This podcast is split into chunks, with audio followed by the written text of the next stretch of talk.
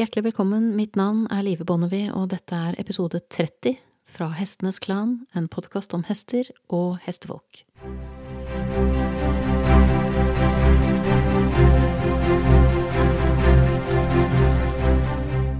Denne episoden er som en slags jubileumsepisode å regne for meg, og jeg tenkte at jeg skulle benytte sjansen til å først se litt bakover, og deretter se litt fremover tenkte jeg skulle starte med å ta en rask gjennomgang av de episodene som er publisert til nå. Startet med episode én Et mykt blikk forandrer alt. Det var en episode som tok for seg viktigheten av å bevare det myke blikket, og hvor skadelig det er for relasjonen til hesten hvis blikket ditt blir for hardt. Det som er eh, min erfaring, det er at synet på hesten hardner med årene hvis du ikke er oppmerksom, akkurat som huden under føttene dine hardner når du går på arbeid om sommeren. Det er også viktig å være klar over at det første du lærer, er det som ofte sitter best, og det kan noen ganger være nesten umulig å avlære.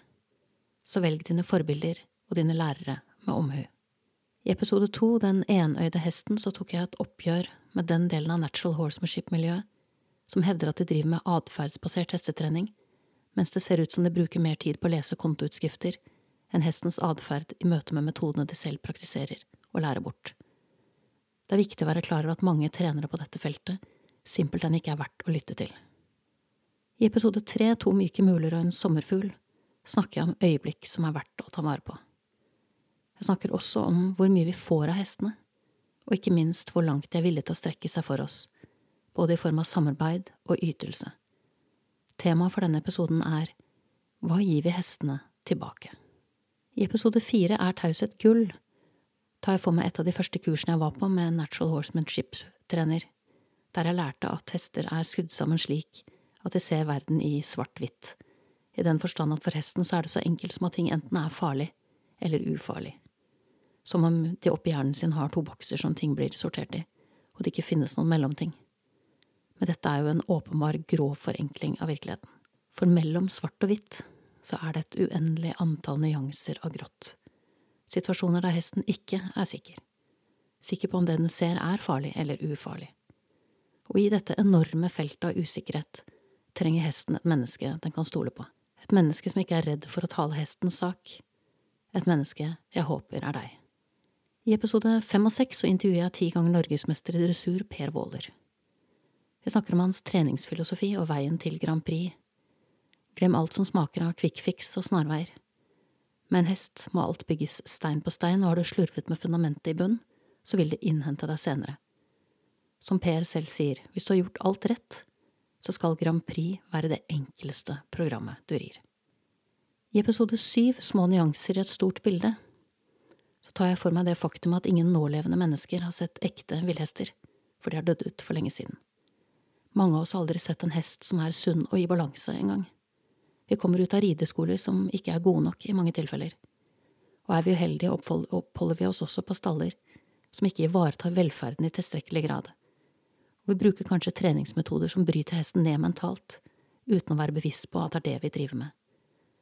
Denne episoden tar for seg viktigheten av å analysere kvaliteten på sitt eget hestehold.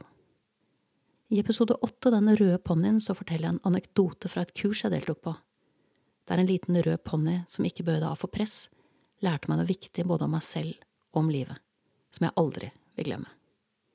I episode ni og ti så intervjuer jeg veterinær og dressurdommer Torunn Knevelsrud. Vi snakker blant annet om forskjellen mellom happy athletes og slaves of glory, hva som skiller Valegro og Totilas, dressursportens utvikling de siste 40 årene, og hva som vektlegges når en ekvipasje bedømmes. Vi snakker også om et overdrevent fokus på utstyr og viktigheten av at hester får være hester. I episode elleve, Tinas vidunderlige hester, deler jeg en av flere erfaringer jeg har som viser hestenes oversanselige, nesten spirituelle side. I episode 12 og 13 så intervjuer jeg Stormy May, som mange vil huske som regissøren av den kritikerroste Path of the Horse. Stormy var en konkurranserytter og fremgangsrik trener som ikke lenger rir sine hester, og i disse episodene forteller hun litt om hvorfor. I episode 14, Kunsten å lese hesten, så gjengir jeg en situasjon der hesten min satte meg på sporet av at en av de andre hestene på stallen var blitt alvorlig syk, uten at noen hadde oppdaget det. I episode 15, Notater fra felten, så tar jeg for meg en klinikk med Leslie Desmond. Å forstå hester krever mer enn kunnskap og erfaring. Det er en kunstform. Å tilbringe tid med hester er dypest sett å utsette seg selv for en evig utfordring av hvem vi er og hva vi står for, både i verden og i livet. Jeg minner også om at selv om hester tilgir mye, så glemmer de aldri. I Episode 16 Langsomt, men ikke usynlig tar jeg for meg en situasjon der hesten min umerkelig løste separasjonsangsten til en unghest, så langsomt og forsiktig at jeg nesten gikk glipp av det. I episode 17 så feiret jeg 15 000 nedlastinger med å lansere en engelsk søsterpodkast der jeg linet opp intervjuer med ulike internasjonale kapasiteter. Nye episoder her kommer fast den siste mandagen i måneden, og vil typisk bli kuratert på norsk, så man er ikke avhengig av å høre den engelske podkasten for å få med seg det som blir publisert der. Men der kan man få intervjuene som blir foretatt i sin fulle bredde på originalspråket, altså på engelsk. I episode 18 så tar jeg for meg Jean-Luc Cornille. Master Jean-Luc Cornille har utvidet de klassiske prinsippene som man har med seg fra Cadre Noir, gjennom å fordype seg i hestens biomekanikk. Og han har hatt et særlig fokus på å finne vitenskapelige forklaringer på hvordan halthet og ulike typer belastningsskader oppstår. Jean-Luc er særlig kjent for sin kompetanse på rehabilitering av hester, som andre trenere har gitt opp, han er absolutt en interessant fyr. I episode 19 notatet fra felten nummer to, så prøver jeg å gjengi noe som utspilte seg i ridehuset på en Leslie Desmond-klinikk, så godt jeg kan. Jeg snakker om den løse hesten som skrittet rolig rundt på banen foran oss, som var en velproporsjonert og godt skolert dressurhest. Vi så ingenting påfallende med den. Ei heller ved måten den beveget seg på, og jeg grøsser når jeg tenker tilbake og innser hvor blind jeg var den gangen. Episode 20 tar for seg Jean-Luc Cornille for andre gang her snakker jo Jean-Luc varmt om begrensninger fra hestens side som gjerne er et resultat av at hesten forsøker å beskytte et fysisk problem, et problem som det er vårt ansvar å løse. Det er derfor viktig at vi som ryttere klarer å skille ridning og treningsfilosofier som er egnet til å forbedre og styrke hestens balanse og fysikk, fra treningsmetoder som utnytter hestens sjenerøsitet, opp til det punktet der skade kan oppstå, og noen ganger langt forbi. I episode 21 så intervjuer jeg eh, Ellen Schmedling, veterinær, kiropraktor og hesteodontolog. Vi skulle i utgangspunktet snakke om tenner, men det skulle vise seg å være starten på en stor og mye viktigere samtale. I episode 22 så tar jeg for meg en klinikk jeg var på med Klaus Ferdinand Hemfling, og det er særlig én ting jeg har tatt med meg derfra – viktigheten av å være autentisk og stå for det, både i livet og i møte med hesten. Klaus pleide å si at dersom du ikke er deg selv fullt ut, så vil hesten se mer enn én versjon av deg. Og disse ulike versjonene av deg selv blir liggende oppå hverandre, så bildet av hvem vi egentlig er, forblir uklart for hesten, og da får du aldri noen solid relasjon. Episode 23 tar for seg noen tanker rundt takknemlighet. Jeg tar rett og slett for meg alle de tingene jeg takker hestene for. Jeg takker dem blant annet for å ha lært meg å høre det som ikke blir sagt. Jeg takker dem for å ha lært meg tålmodighet. Jeg takker hestene for å ha lært meg at livet er en gave vi har til låns, og jeg takker hestene for å ha lært meg at jeg aldri blir utlært. I episode 24 så tar jeg for meg en klinikk jeg var på med Benny Lindahl. Benny er en fåmælt, stillfaren, dønn solid islending, hel ved, som vi sier på norsk. Han er av mange regnet som en legende, og det jeg har sett av ham, er en trener som bygger stein på stein, og derfor kan bli litt for langsom i progresjonen for ryttere som har det travelt. Men han får gode og langsiktige resultater. Og de trenerne jeg liker best, er nettopp av det slaget. I episode 25 så har jeg et intervju med Svein Bakke. Han er veterinær, spesialist i hestesykdommer og har en doktorgrad i indremedisin på hest. Planen var egentlig å prate om etikk og penger i hestesporten, siden han er veterinær på Bjerke travbane og også er eh, sakkyndig i en del rettssaker hvor hester, salg og kjøp av hest typisk, er involvert. Men vi endte i stedet opp med en samtale som ga et uvanlig blikk inn i veterinæryrket, sett fra innsiden og avdekket også en skyggeside som de færreste av oss er klar over. I episode 26 hadde jeg et intervju med Anna Blake, og her ligger det et resymé av intervjuet som foreligger i sin helhet på min engelske søsterpodkast.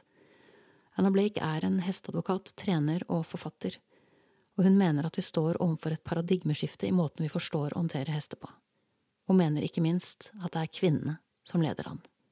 I episode 27, Helt gresk, så hadde jeg en litt dristig episode der jeg deler min inngang til hestens anatomi gjennom noe så spesielt som en skoeske i min fars skap, og en introduksjon han ga meg til det greske og latinske språket.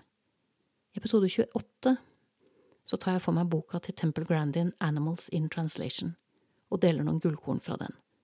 Temple Grandin er en autistisk professor, og på mange måter er hun den som har kommet lengst i å formidle hvordan verden ser ut gjennom dyrs øyne, slik jeg vurderer det. I episode 29 så snakket jeg igjen med Ellen Schmedling, og denne gangen var fokuset vårt kiropraktikk, kraniosakralterapi og viktigheten av å tenke helhetlig når alvorlige skader skal rehabiliteres. Og med det har vi kommet fram til dagens episode, episode 30, som kanskje først og fremst fungerer som et tilbakeblikk, men jeg har en tanke bak. Meningen er å gi både deg og meg et overblikk over temaene podkasten har berørt så langt. Ikke minst fordi jeg har lyst til å invitere deg til å spille inn navn på hestefolk som er verdt å intervjue, eller temaer du mener er verdt å ta opp. Og hvis du har hørt gjennom de første 29 episodene, så skulle det være helt unødvendig å si at fokuset mitt er hestens velferd. Så det er slik at de gjestene jeg inviterer, eller de temaene jeg tar opp, først og fremst har som mål å gi hester et bedre liv. Jeg har en lang liste temaer eh, å ta av selv, og har også linet opp ganske mange gjester allerede. På listen min nå så står et punkt om forebygging av skader, jeg har to episoder med fokus på seniorhesten. Den ene handler om fòring, og den andre handler om hvordan man best ivaretar helsen til seniorhesten og sikrer hesten en god avslutning etter lang og tro tjeneste. Jeg skal snakke med Mattilsynet om hvordan de jobber. Jeg skal se på barfothøver og sammenligne dem med skoddehøver. Jeg skal se på alternative behandlere og etikk. Jeg skal se på saltilpassing. Jeg skal se på sits- og Feldenkrais-metoden. Og jeg skal se på bit-tilpassing. Har du innspill til interessante gjester eller eh, temaer som du tenker at eh, ikke har blitt berørt i denne podkasten så langt, så finner du meg på Facebook, på Instagram eller på www.hestenesklan.no. Du kan også sende meg en mail på hestenesklan at gmail.com. Veldig spent på å høre hva du tenker. Du har nettopp hørt episode 30 av Hestenes Klan, en podkast om hester og hestefolk. Takk til min faste komponist Fredrik Blom, og sist, men ikke minst, takk til deg, kjære lytter, for tålmodigheten. Måtte hesten for alltid være med deg.